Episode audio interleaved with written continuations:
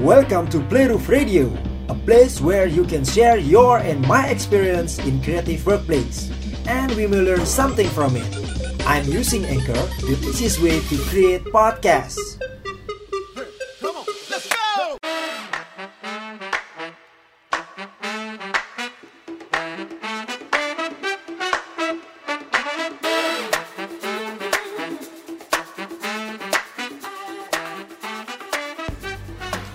Halo, ketemu lagi bareng gue Junox di Playroof Radio untuk episode kesekian kalinya. By the way, gue bikin podcast ini menggunakan Anchor karena selain gratis, ini sangat mudah. Jadi buat lo yang kayaknya pengen coba-coba untuk buat podcast biar semua yang ada dalam otak lo, kepala lo keluar dan bisa di-sharing ke orang banyak, please uh, join aja di Anchor and then nanti bisa di-share ke mana-mana.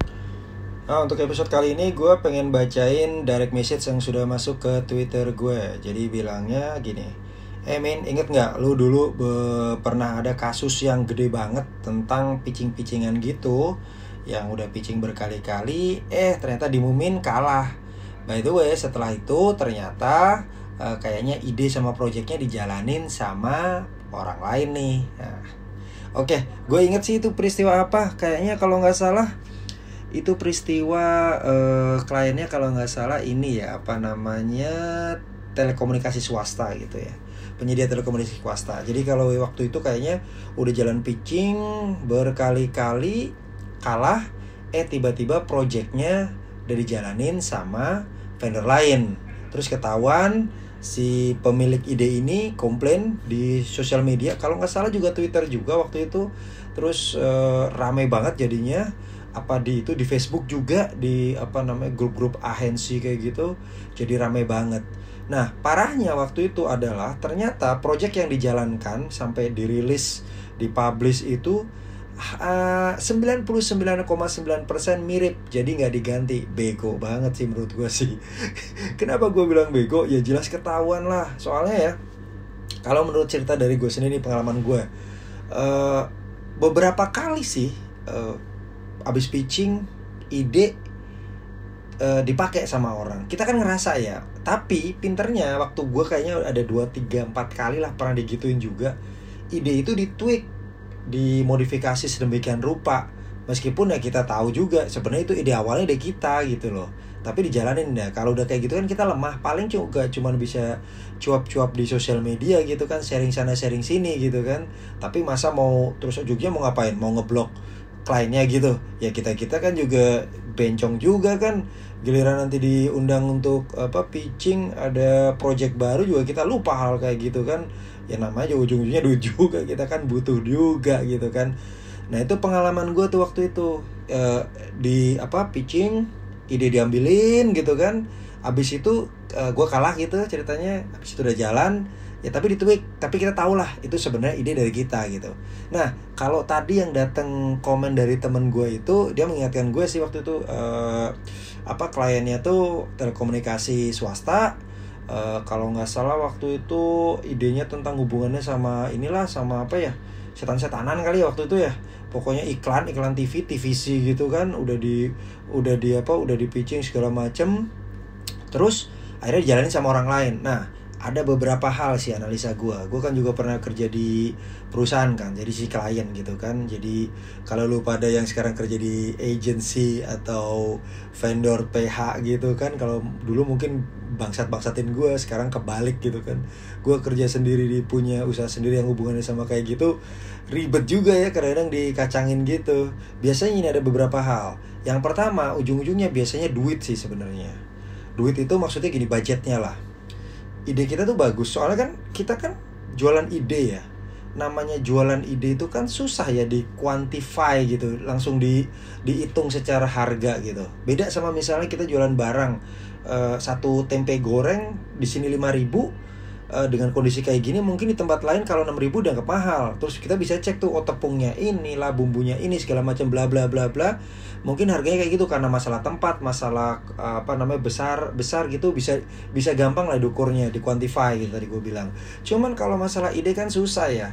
Kita bisa klaim tuh kadang-kadang ini ide gue nih ide baru gitu kan. Baru banget belum pernah di itu.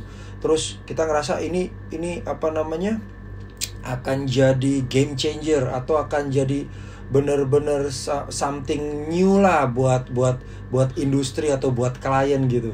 Tapi namanya ide kalau udah dibuka ya orang bisa lihat gitu kan.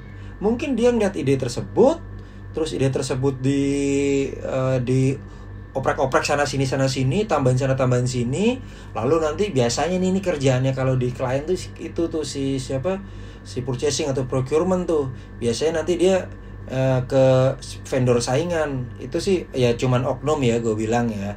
Nanti dia bilang gini eh bisa nggak lo kerjain kerjaan ini seperti ini nih tapi dengan harga separohnya misalnya gitu. Ya situasinya faktanya kan banyak juga dari kita kita di industri kita itu yang asal muasal terima kan ya karena tadi. Lagi-lagi kita masih mikirin dong kita butuh uang buat buat operate operate operate perusahaan kita dan buat bayar gaji segala macam. Itu kan ujungnya kayak gitu gitu kan. Nah pertama tadi gue bilang budget biasanya. Budgetnya nggak masuk. Akhirnya si procurement harus maksa maksa apa namanya? Maksa vendor lain untuk bikin dengan dengan budget yang semurah-murahnya. Itu kan KPI dari oknum-oknum procurement ini ya Nah, uh, padahal di sisi kita kan harusnya kayak ide itu bisa dibilang paling mahal gitu ya, paling mahal banget. Makanya beberapa kali gue tuh pernah uh, ini oknum procurementnya fair enough gitu loh. Misalnya dia bilang, eh uh, Pak sorry ya, ide lu tuh keren banget, cuman budget kita nggak masuk. Boleh nggak gue beli konsepnya gitu? kadang-kadang masalahnya lagi mereka tuh nganggep kayak konsep itu sesuatu yang kecil jadi cuman e, nilainya 5% ya atau 10% dari total project. Wah kalau gue sih enggak. Gue charge bisa 30-50% gitu loh. Jadi akhirnya mereka nggak jadi jalan dan kalau udah kayak gitu biasanya gue bisa ngawasin.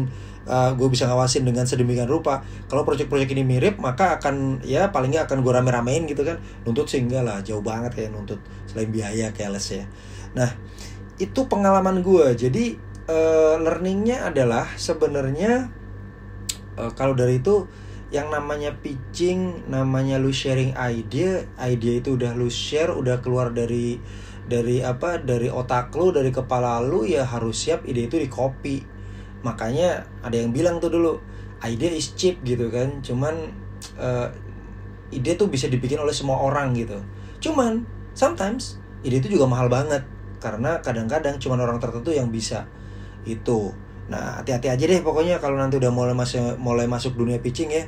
Dan kalau kita nanti teriak-teriak kayak gini ya kadang-kadang teman-teman kita juga di industri juga ngehe juga sih.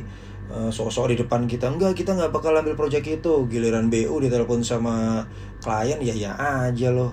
Harganya diskon lagi kan tai gitu kan. Ya ya lu tau lah lu tanya aja sama diri lu sendiri apakah kayak gitu atau enggak gitu kan. Oke okay uh, episode kali ini segitu aja. Nanti uh, nextnya kita bahas yang lain-lain yang lebih seru gitu kan. Semoga lu nggak bosen dengerin gue. Tetap tune in di Playroof Radio. Sampai ketemu.